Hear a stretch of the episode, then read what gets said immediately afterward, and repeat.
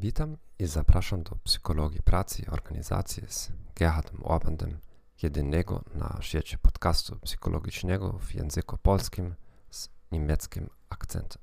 Dzisiaj porozmawiamy o tym, czy skale uczciwości mogą przewidywać kradzieże pracowników. Szacuje się, że 60% pracowników kradnie ze swojej firmy, a nawet 35% angażuje się w kradzież nietrywialną.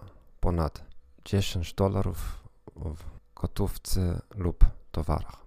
Istnieją dwa rodzaje pytań, które mają na celu ocenę prawości danej osoby.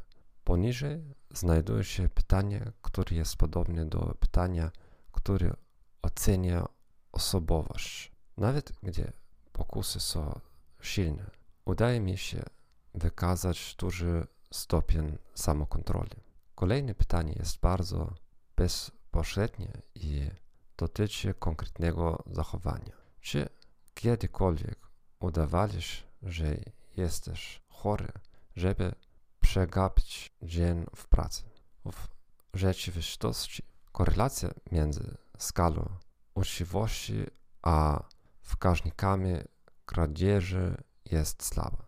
Z drugiej strony są one silnie skorelowane z wydajnością pracy.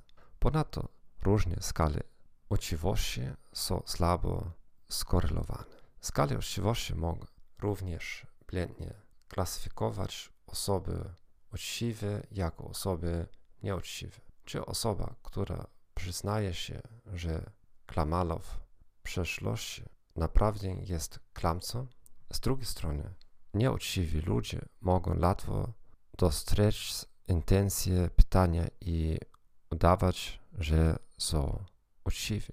Dziękuję za wysłuchanie tego podcastu. Życzę miłego dnia i do widzenia.